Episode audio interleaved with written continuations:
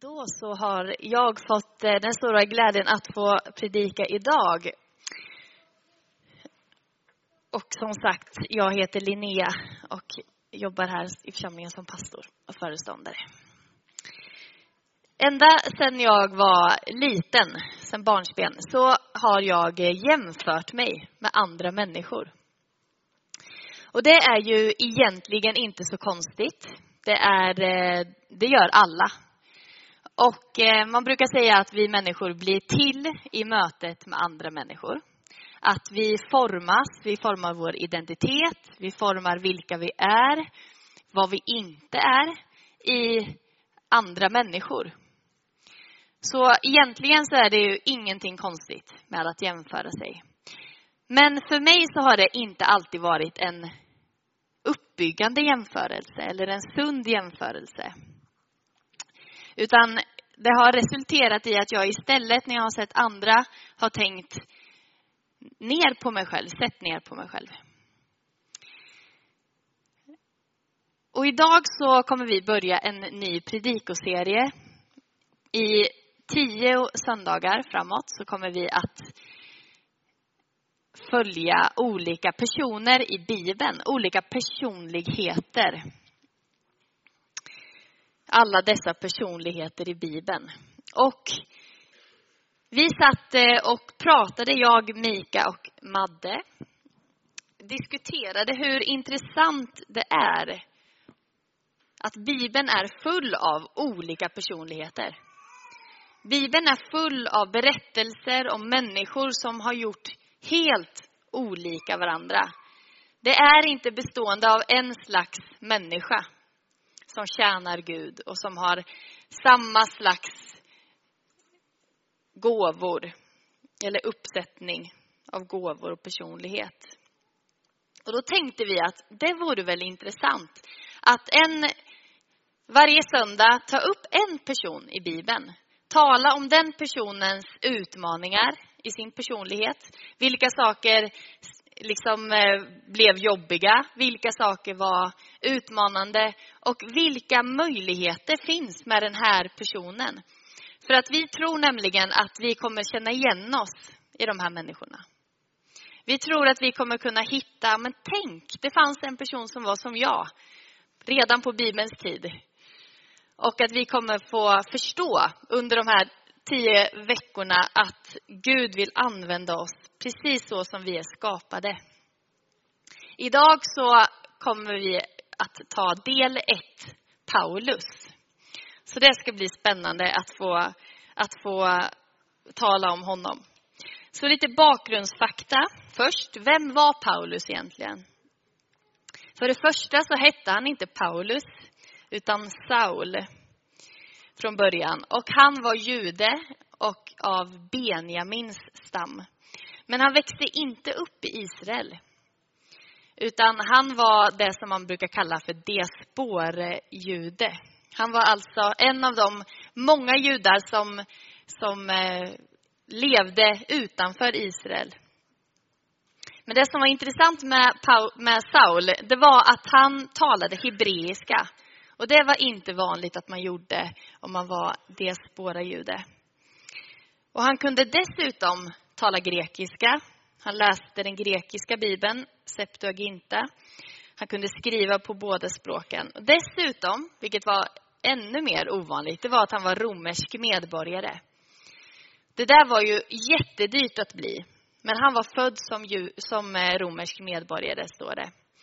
Och eh, en teori till varför man tror att han hade med sig det här medborgarskapet redan från början, det är bland annat att hans föräldrar var sadelmakare. De gjorde sadlar och tält åt armén. Och då kunde man få som belöning för att man gjorde det, kunde man få ett rom, ro, säger man, romerskt medborgarskap. Men från att Saul var 13 år så fanns han i Jerusalem. För det är då en judisk pojke uppnår en religiös myndighetsålder. Man går igenom bar mitzva. Och i Jerusalem så fick han en gedigen judisk skolning. Han studerade under en rabbin som hette Gamaliel. Och den här Gamaliel var den absolut största av rabbiner och den sista stora skriftrabbinen. Saul var också farisé. Det fanns olika former av, av eh, att vara farisé. Han tillhörde troligtvis den strängaste formen av, av farisism och den mest konservativa som kallas för shamai. Men man kan också anta att han var någonting som kallas för selot. Det här vet man inte. Men en selot var en som inte tvekade att ta till vapen för att beskydda den judiska traditionen. Man eh, tyckte att följa lagen och leva som jude är inte tillräckligt utan vi måste också vara aktiva. Vi måste vara, en, vara aktivister. En anledning, anledning varför man tror att han var det, det är att han använder just det ordet. På grekiska heter det selloteis. När han beskriver sin iver. När han säger att jag var den ivrigaste av alla i bland annat Galaterbrevet, första kapitlet. Och egentligen så är det ju fel enligt, enligt Moselag att döda. Men om det var så att det behövdes för att skydda traditionen så menade man, om man var stelot, att det var tillåtet. Ett slags heligt krig kan man säga. Och det är i just denna iver att skydda den judiska traditionen som vi möter Saul för första gången i Bibeln. Och det är i Apostlagärningarnas sjunde kapitel. Vi är där att eh, lärjungen Stefanos har precis blivit anklagad för att just eh, hindra traditionen, den judiska traditionen genom att kritisera templet och kritisera Mose lag. Och det står att man eh, ska stena Stefanos, döda honom genom stening. Och att man lade ner sina mantlar vid fötterna på en ung man som hette Saul. Det är också intressant att man säger att han var en ung man. Han var mellan 35 och 37, vilket är trösterikt för mig då. Vi kan läsa ifrån Apostlagärningarna kapitel 8. Och jag kommer läsa en hel del Bibeln idag. Och eh, har ni med er era biblar, vilket är det bästa sättet att hänga med, så slå upp Apostlagärningarna 8. Annars får ni lyssna på mig när jag läser. Från vers 1 till 3. Också Saul tyckte att det var riktigt att han dödades. Den dagen började en svår förföljelse mot församlingen i Jerusalem. Och alla utom apostlarna skingrades över hela Judeen och över Samarien. Några fromma män begravde Stefanos och höll stor dödsklagan över honom. Men Saul for hårt fram mot församlingen. Han trängde in i hus efter hus, släpade bort män och kvinnor och lät sätta dem i fängelse. Jag ska också läsa från Apostlagärningarnas nionde kapitel. Och nu är det en lite längre bibeltext. Så Gör vad du behöver för att koncentrera dig. Om det är att blunda eller läsa. Du får välja själv. Saul, som ännu rasade av mordlust mot Herrens lärjungar, gick till översteprästen och bad att få med sig ett brev till synagogorna i Damaskus. Om, om han fann några som tillhörde vägen, män eller kvinnor, skulle han fängsla dem och föra dem till Jerusalem. Men när han på sin resa närmade sig Damaskus omgavs han plötsligt av ett bländande ljussken ifrån himmelen.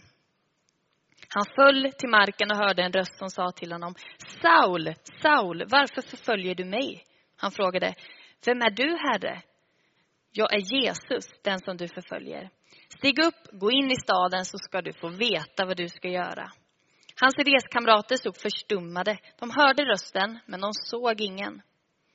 Saul reste sig upp, men fast hans ögon var öppna kunde han inte se. De tog honom vid handen, ledde honom in till Damaskus. Under tre dagar var han blind och han varken åt eller drack. I Damaskus fanns en lärjunge som hette Ananias. Till honom sa Herren i en syn, Ananias. Han svarade, ja herre.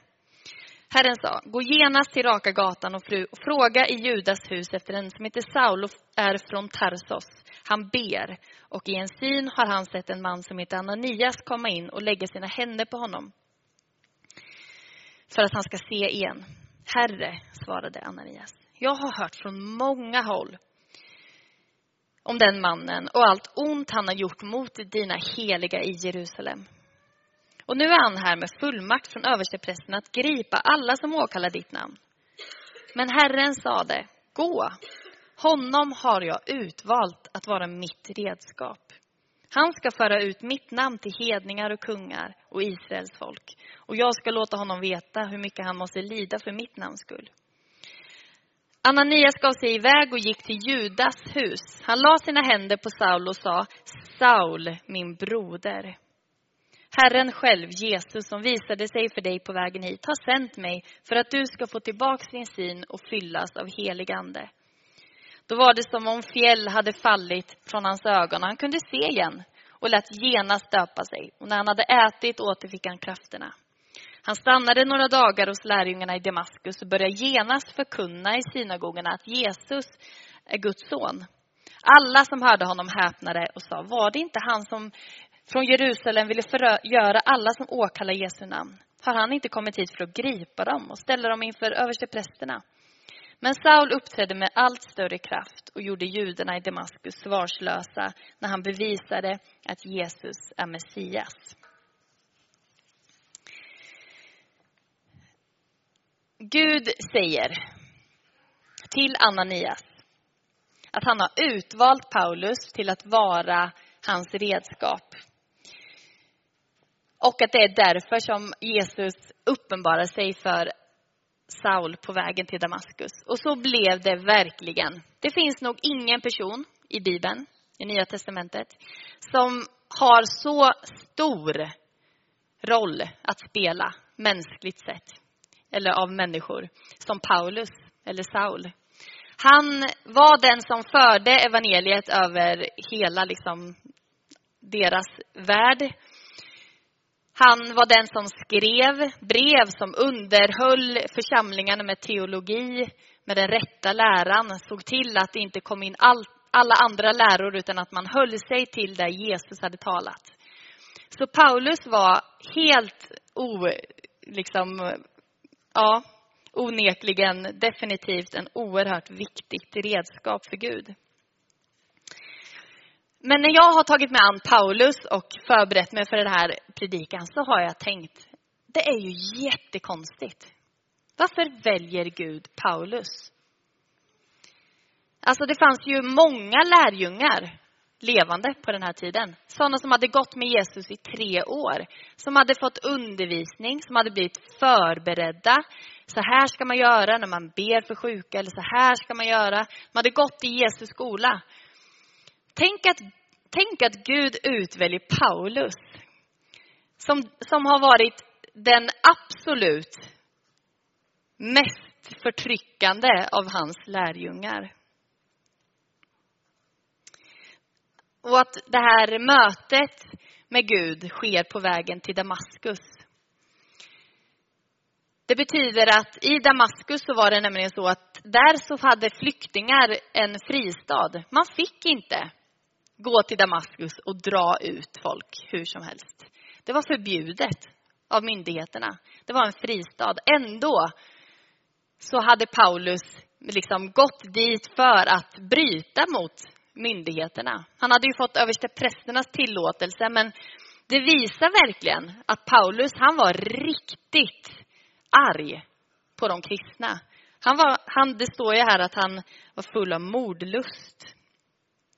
En sådan människa väljer Gud till sitt redskap. Inte bara någon som har dödat, utan som är beredd på vägen till Damaskus att döda ännu fler. Men för mig så talar det ett tydligt språk, hur Gud gör, hur Gud väljer. Han kallar inte människor på grund av deras tidigare handlingar. Han ser inte det vi ser. Han ser det människan är skapad till och han ser det som kan bli. Det människan har i sig. Och det berättar också för oss att Gud inte ratar oss på grund av våra misstag, utan ser möjligheterna.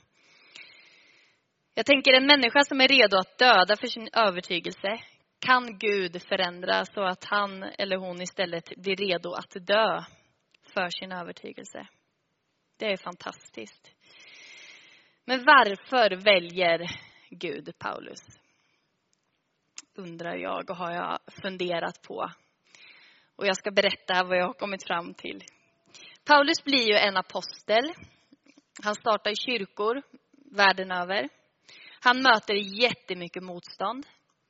Han får vara med om oerhört mycket lidande. Han är nära på att dö många gånger. Men det som är intressant med Paulus, det är att han ger aldrig upp. Han har sådan, liksom, han har bestämt sig för det här. Han är så ivrig, han är så beslutsam, han är så överlåten. Alltså till det nya, till det Gud har kallat honom till. Och jag tänker att det där fanns ju i Paulus redan innan Gud kallade honom. Han var ju den mest ivriga av alla liksom, för att skydda den judiska traditionen, för att göra det som behövdes. Och Gud visste att det där, den personligheten som Paulus har, den kommer bli användbar. När vi ska sprida kyrkan över hela världen, då är Paulus en sån person som jag vill använda. Eh, och det var en personlighet som Gud hade gett till Paulus, men som han hade riktat åt fel håll. Hans iver och hans hundraprocentiga övertygelse, hans engagemang och hans ehm, ja, frustration. Allt det där som Paulus hade, det hade riktats åt ett felaktigt håll först. Det kanske handlade om sitt eget projekt. Det här kanske handlade om att skapa sig ett namn. Eller så var det bara en övertygelse som han hade. Men oavsett så är det som att när Gud möter honom så riktas Paulus personlighet och hans överlåtelse och hans hundraprocentiga liksom, eh, ja, hyperaktivitet åt rätt håll, åt Guds håll. Han omvänder sig. Och Gud hade en plan för honom. Är du en sån person? Jag tror att, vi är, att det finns många sådana personer i Guds församling som kanske inte har hittat sin plats alla gånger i en församling där man ska passa in och där man ska göra som alla andra eller där man ska följa liksom vissa ramar. Men Paulus var inte sån. Han följde typ inga ramar. Han gick utanför boxen hela tiden. Andra människor blev irriterade. Men Gud visste att den här personen, det är en apostel. Även om han inte visste det själv först. Jag tror att vi finns, att det finns sådana människor här i den här kyrkan också. Som Gud vill säga att du, den här personligheten och det här, det är en gåva som jag har lagt i ditt liv. Du är otålig, ivrig, frustrerad många gånger. Kanske tycker att det inte sker tillräckligt eller att det inte sker på rätt sätt. Men vi behöver sådana som du. Kanske är det så också att, att en sån personlighet ofta, om man inte får utrymmet eller får rätt, på något sätt, eh, möjlighet i kyrkan, så riktar man den där hundraprocentiga överlåtelsen åt ett annat håll. Det kanske handlar om arbete. Där ger man liksom järnet, man blir en framstående, ja, vad vet jag, chef eller någon som utvecklar ett helt företag.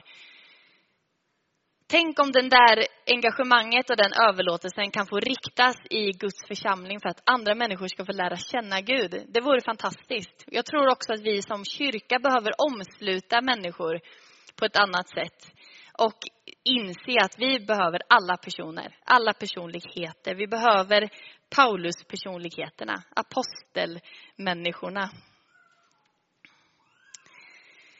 Vi ska läsa vidare i Apostlagärningarna och då är det det nionde kapitlet. Från vers 23. Efter någon tid kom judarna överens om att röja honom ur vägen. Men han fick reda på deras planer. De lurade på honom vid stadsportarna dag och natt för att döda honom. Men en dag tog hans lärjungar och firade ner honom från stadsmuren i en korg. När han hade kommit till Jerusalem försökte han ansluta sig till lärjungarna, men alla var rädda för honom eftersom de inte litade på att han var lärjunge. Då tog Barnabas honom med sig till apostlarna och berättade för dem hur Saul på vägen hade sett Herren som talade till honom och hur han frimodigt hade predikat om Jesu namn i Damaskus. Sedan fick Saul komma och gå som han ville hos bröderna i Jerusalem och talade frimodigt i Herrens namn. Han predikade också för de grekisktalande judarna och disputerade med dem. De bestämde sig att röja honom ur vägen, men när bröderna fick reda på det tog de med honom till Caesarea och skickade honom vidare därifrån till Tarsos. Kyrkan fick nu vara i fred i hela Judeen och Galileen och Samarien. Den byggdes upp och levde i Guds fruktan och växte genom den heliga Andes tröst och stöd. För det första, tänk vad Paulus fick vara med och göra.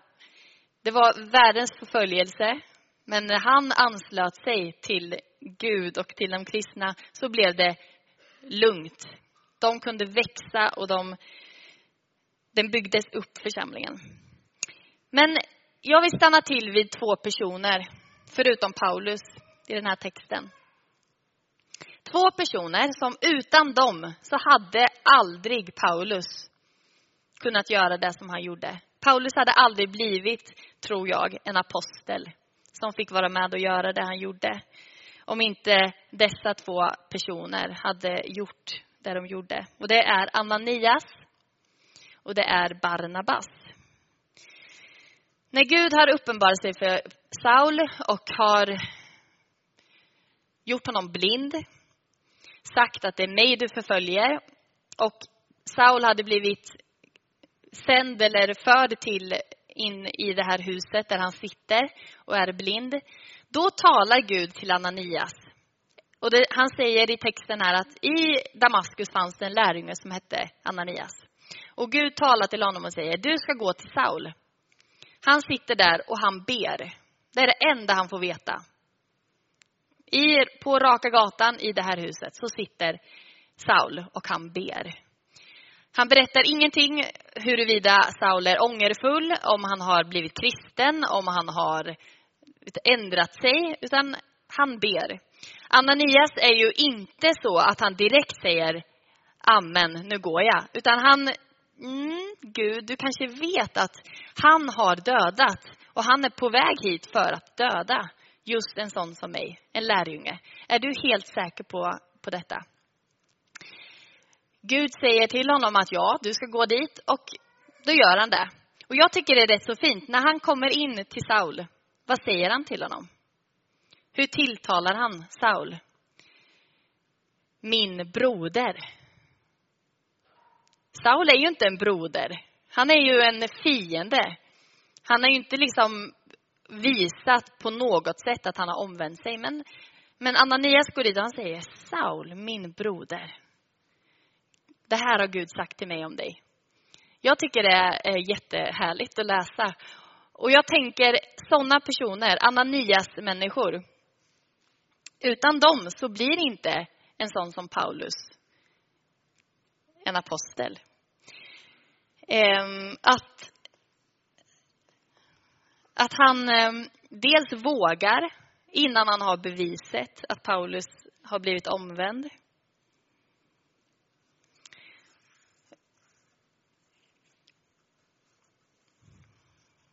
Och att eh, Gud, man kan tycka att Gud gjorde det mesta av jobbet. Absolut. Han, han uppenbarade sig i egen hög person. Jesus själv, liksom i ett ljussken. Han hörde en röst. Det var ju definitivt inte en vanlig omvändelse på, på ett sätt. För det var Jesus själv.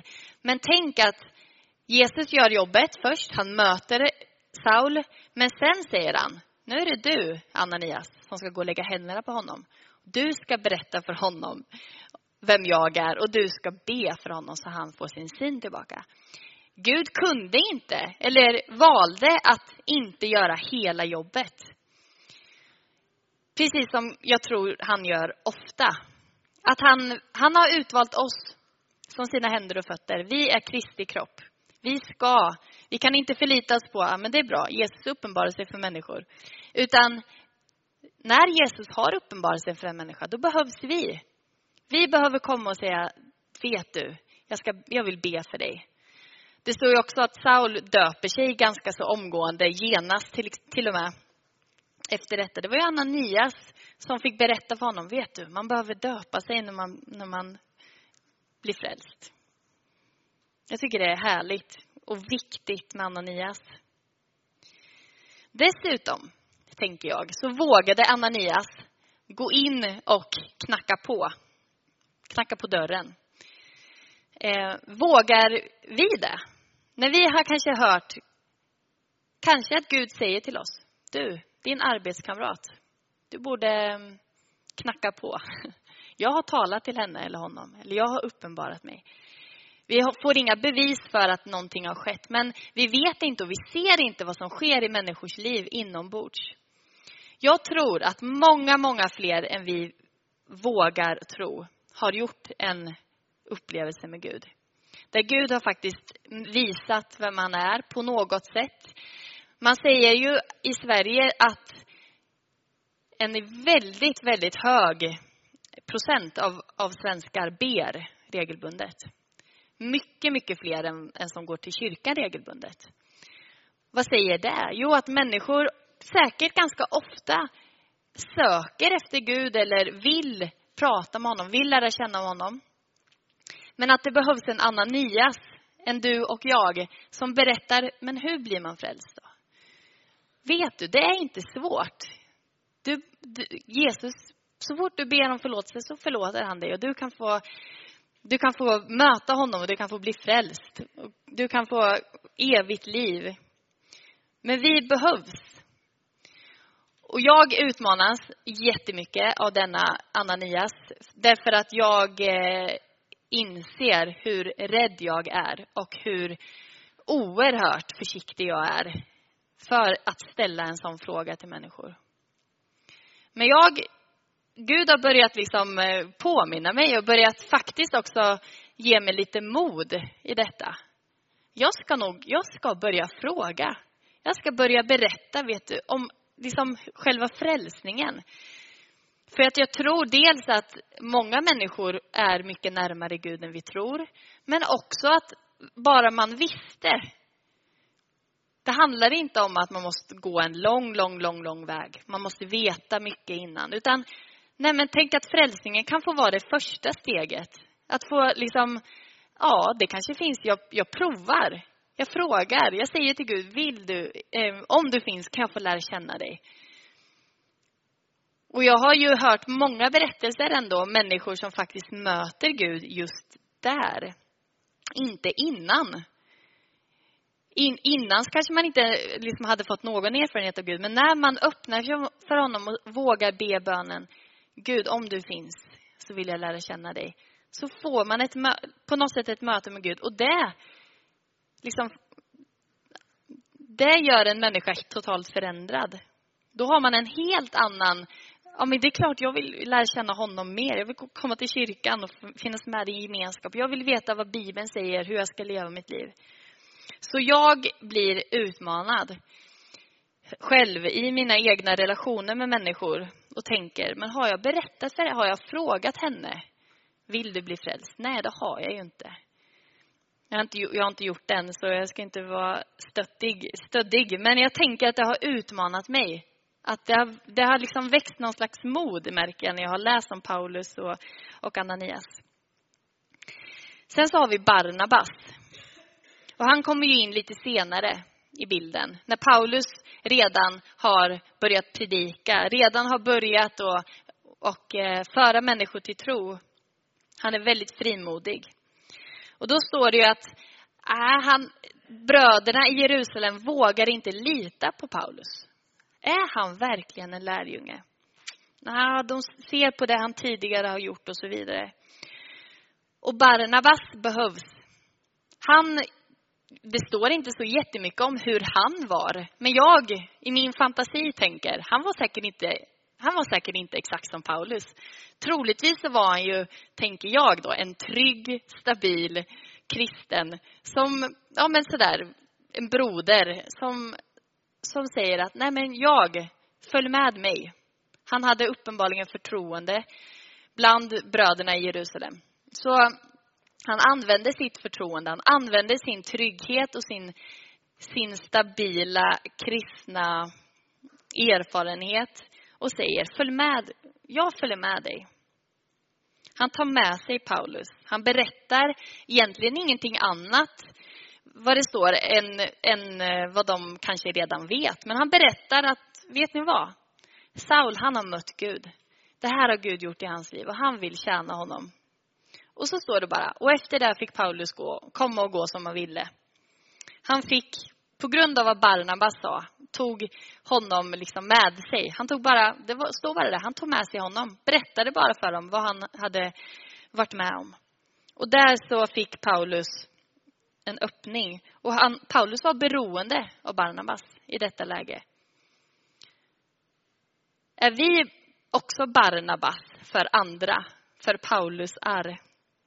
Jag tänker kanske på Paulusar som finns i våran stad, i vårt samhälle, som ska få bli evangelister, som ska få bli apostlar för Guds rike, som kanske inte är det nu, men att det är inte alltid säkert att de får förtroendet i våra kyrkor eller i våra sammanhang. Därför att ja, de är så yviga och de vill så mycket. Eller det här har de varit med om innan och det ligger lite till last. Man vet aldrig vad som händer i framtiden. Men Barnabas, han hade ju själv kanske ingen sån apostla, som, precis som Paulus apostelgärning. Det står ju inte jättemycket om honom i Bibeln. Men han, han, han gjorde det möjligt för Paulus att bli den han skulle bli. Och vi behöver ibland riskera, för det tror jag att det innebär. Vi behöver riskera någonting. När vi tar och säger, följ med mig. Jag, du får liksom eh, gå på mitt förtroende på något sätt. Jag står bakom dig. Tänk att vi, alla vi som är här, alla vi i Guds församling, både, vi kan få vara Barnabas. Vi kan vara personer som öppnar, som kan få vara sådana som kanske pratar med människor, lyssnar, vägleder, men också som, som ställer sig, står upp för andra personer som vill någonting. Andra personer som vågar det som vi kanske inte har möjlighet att göra. Så när jag nu har predikat om Paulus så har jag också predikat om Ananias och Barnabas. Jag kände att jag skulle göra det. Det var inte bara, en del av oss är Paulus-personer eh, entreprenörer kanske, eller har mycket idéer, vill mycket, har mycket ork, energikraft till det.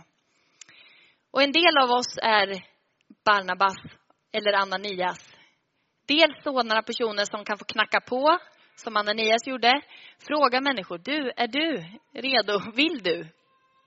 Om personen inte vill så då har vi inte, det är inget fel. Men är det så att människan vill så är det fantastiskt att få vara en sån som har knackat på. Eller så är vi Barnabas som får ta oss an människor, ibland får ställa oss, får kritik själva, men veta att de här personerna behövs. Paulus behövs. Vi behöver apostlar. Vi behöver människor som går utanför våra ramar. Som gör det som vi aldrig har gjort innan. Som gör det som jag inte skulle gjort. Men som, som, som får människor på något sätt att få möta Gud. Och som har en, en eh, motor i sig som är liksom, ja, aldrig stoppar. Sådana personer har betytt mycket genom, genom historien. Sådana personer fanns även i Bibeln. Ja, så låt oss få ta de här utmaningarna med oss som kristna och få tänka hur kan vi vad kan vi lära oss av det här och vad vill Gud säga till mig? Vad finns det för utmaning? Om jag är en Saul, om jag har vänt min, mitt, eh, min kraft och mitt fokus åt fel håll. Jag behöver rikta det till Guds rike istället kanske. Jag behöver få liksom, fylla det jag gör med innehåll, med, med riktigt värde. Eller så, ja, att överlåta sig till Gud på det sättet. Eller att få säga, här är jag, Herre, använd mig på det sätt du vill. Vi ber tillsammans. Tack Jesus för att du kallar och, och eh, utmanar och du alltid har gjort det, Herre. Tack för att du inte definierar oss efter våra tidigare misstag. Inte ens efter det som har varit våra liv, där vi har kanske gett allt för. Utan tack Gud för att du ser någonting annat i oss, Herre. För att du alltid har förmågan att, att använda människor. Oavsett hur trasiga vi är, oavsett hur felriktade våra ambitioner har varit, Herre. Vad vi har använt vår tid, våra pengar till, Jesus. Jag tackar dig Gud för att du behöver människor som, som, som har den här drivet, som har den här längtan att få nå längre. Som inte ger upp, som inte ja, men som, som har ett mål, som är målinriktade. Jag ber att vi ska få se människor få både komma till tro som har den här kallelsen. Att vi ska få se människor som får bryta ny mark och som får göra saker, Herre, som, som andra människor får gå bakom och, och inspireras av. Men jag ber också Jesus att du, att du eh, hjälper oss, Herre, att rikta våra hjärtan och liv åt rätt håll. Och jag ber också, Gud, att du hjälper oss att vara Ananias och Barnabas personer, Herre.